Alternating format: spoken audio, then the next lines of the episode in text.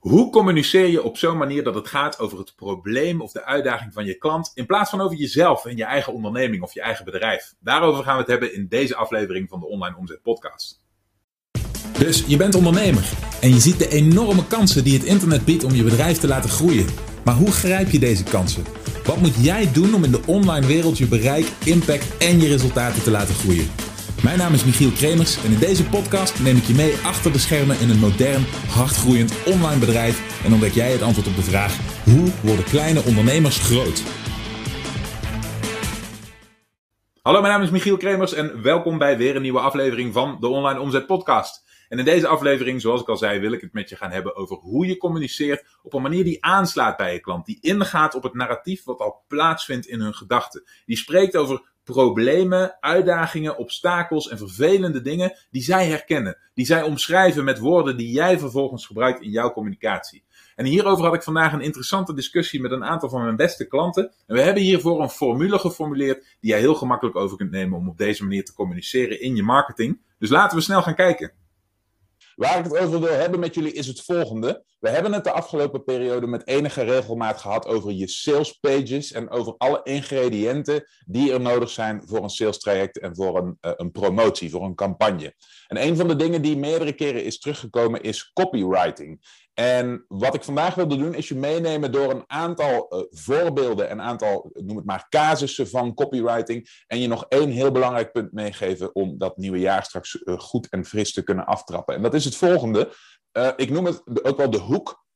En de hoek, oftewel de invalshoek, is een bekend, een bekend onderdeel van copywriting. Um, als je mensen zoals bijvoorbeeld Russell Brunson en Frank Kern en dat soort types wel eens volgt, dan hoor je ze wel eens over het fenomeen hook, story, offer. En die drie ingrediënten, die zorgen samen eigenlijk voor de meat, voor het grootste en belangrijkste gedeelte van copywriting. Zo, ik moet weer even, zoals wel vaker, stoeien met waardeloze Zoom.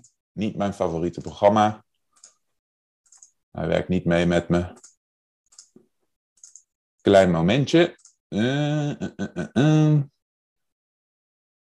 ja, waarom doet hij dit nou weer niet? Gaat elke keer goed. Ja, hebben ze. Oké.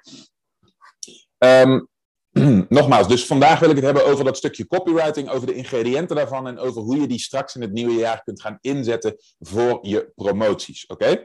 Uh, en ik wil nog wat dingen van mezelf laten zien die jullie misschien als voorbeeld kunnen gebruiken. Nou, laten we meteen beginnen met wat bedoel ik nou met die hoek, die invalshoek bij copywriting. Wat je in essentie doet, want ik zie te veel ondernemers proberen om te praten over hun product, om te praten over zichzelf, om te praten over hun bedrijf. Wat je doet met je copywriting, met je overtuigende teksten of je overtuigende script op een video, is je probeert aan te haken op een dialoog die al plaats ja, die al plaatsvindt in het hoofd van je potentiële klant. Oké, daar probeer je op aan te haken. En de makkelijkste manier om dat te doen. Even de belichting bekijken zodat het ook zichtbaar is. De makkelijkste manier om dat te doen is om een probleem aan te stippen, zoals jullie mij vaker hebben horen zeggen, wat in dat hoofd van die potentiële klant aanwezig is. Oké? En om dat probleem te koppelen aan jouw product of dienst als oplossing. Oké, en wat we dan moeten leren is dat we niet communiceren over ons eigen product, maar over het feit dat ons product of onze dienst of wat we dan ook aanbieden, dat dat de oplossing vormt. Oké, daar gaat het in dit geval om. En een goed voorbeeld daarvan, en dat wilde ik jullie meteen even laten zien, is uh, een nieuwe campagne die ik zelf heb gemaakt, die ik als nieuwjaarspromotie ga draaien. Ik dacht, ik, ik doe gewoon bare all en ik laat jullie gewoon precies zien wat ik zelf allemaal doe. Dus ik zal dat even met je delen.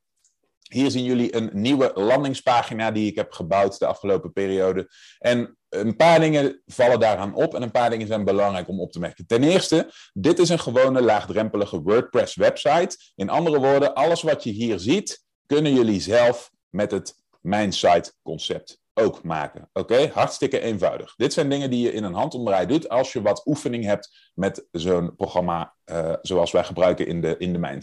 En wat ik heb gedaan is uiteraard weer, zoals ik al, al zo vaak heb gezegd tegen jullie, is bij je promoties moet je alles uit de kast halen. Dat is het moment om te shinen. Daarop wil je niet besparen qua tijd, inzet, moeite en zelfs investeringen. Dus ik heb een salesvideo gemaakt en voor het ontwikkelen van zo'n salesvideo doe ik wat ik jullie ook altijd laat zien, is ik script hem, oké, en daarna presenteer ik hem voor de camera. En het, eigenlijk het laatste wat er dan nodig is, is een stukje editen, is een stukje uh, knippen en plakken. En als je daar zelf niet zo goed in bent, kun je daar heel eenvoudig uh, voor niet al te veel geld een freelancer opzetten.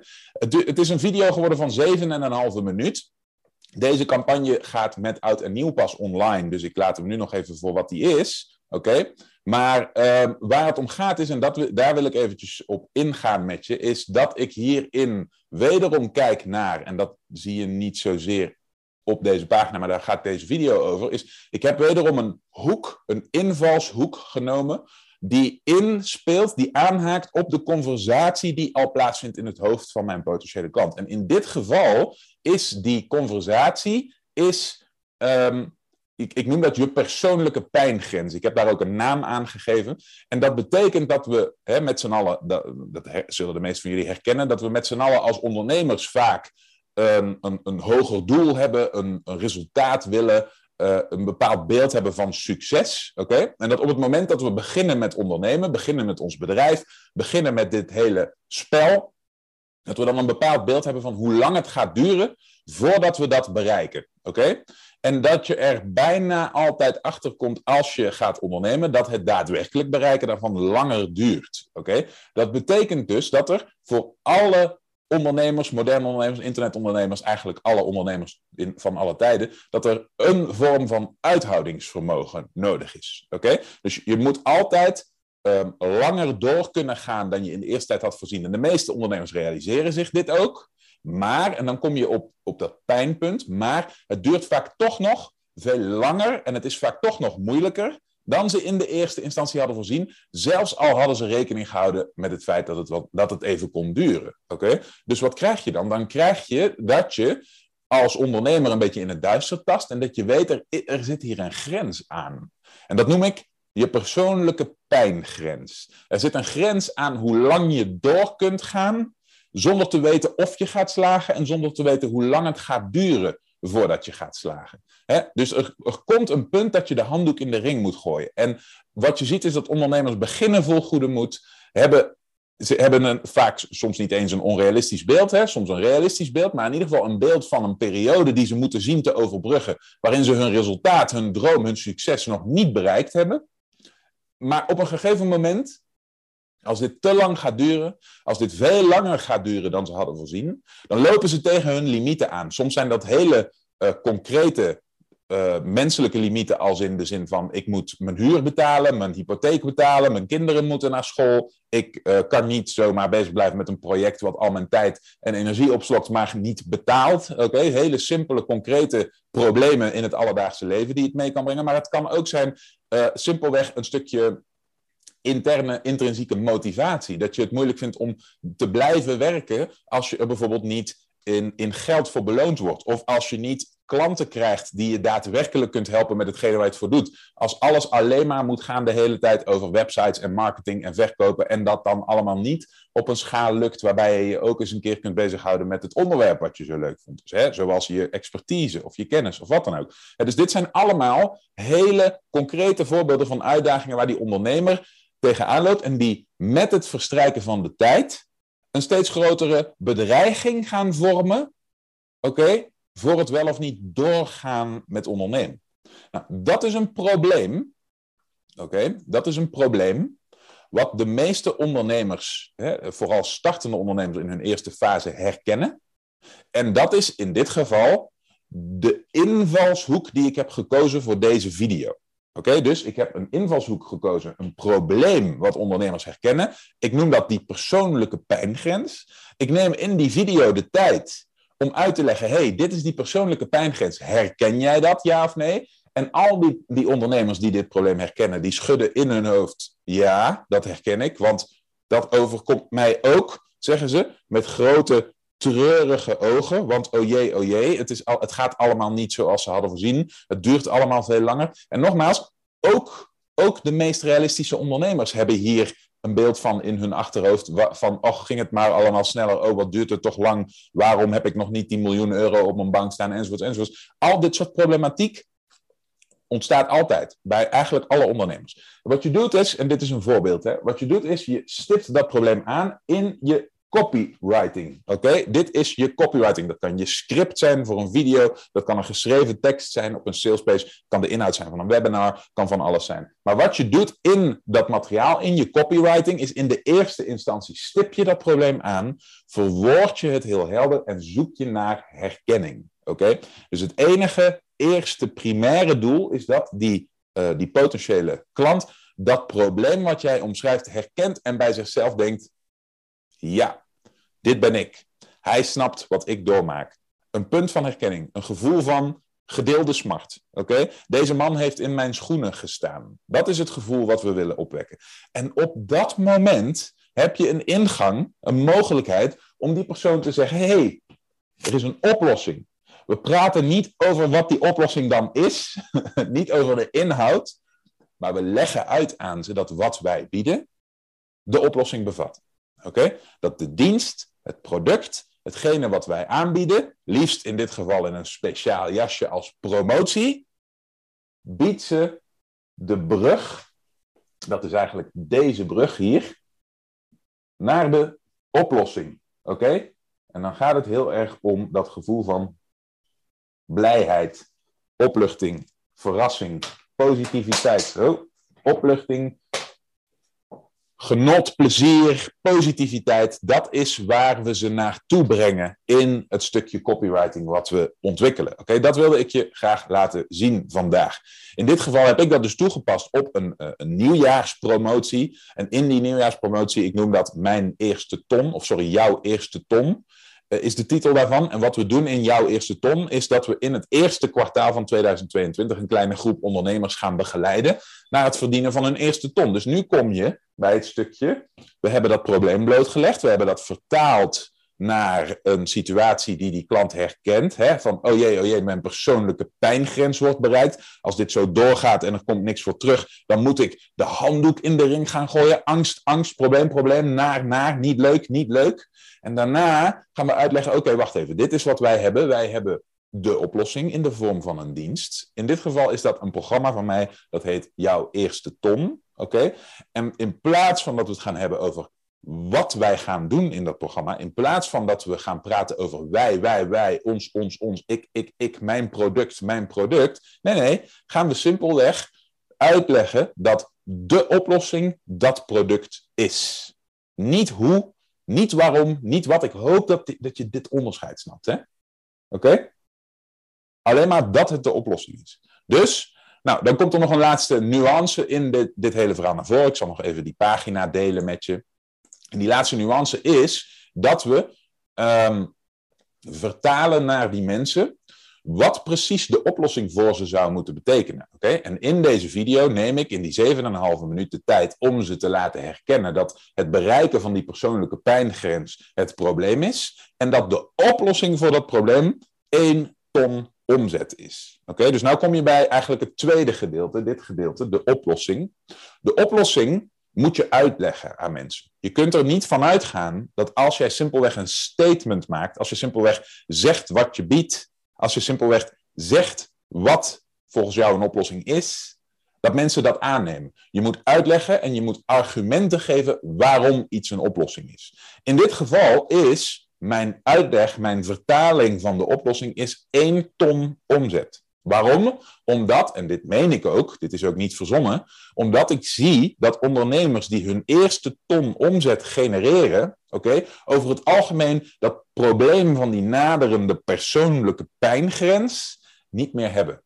Zodra mensen over een ton omzet heen gaan, en het, het, klinkt hartstikke stom, want ik zeg daarbij niet zo hoe lang het duurt voordat je die 1 ton hebt bereikt. Maar ik ken ondernemers die die er jaren over doen om hun eerste ton omzet te genereren en dan nog geld, zodra ze hun eerste ton omzet hebben gegenereerd, hebben ze niet meer die angst en die twijfel, hebben ze niet meer die onzekerheid over of ze die persoonlijke pijngrens gaan aantikken, of ze er niet meer komen, of ze de handdoek in de ring moeten gooien.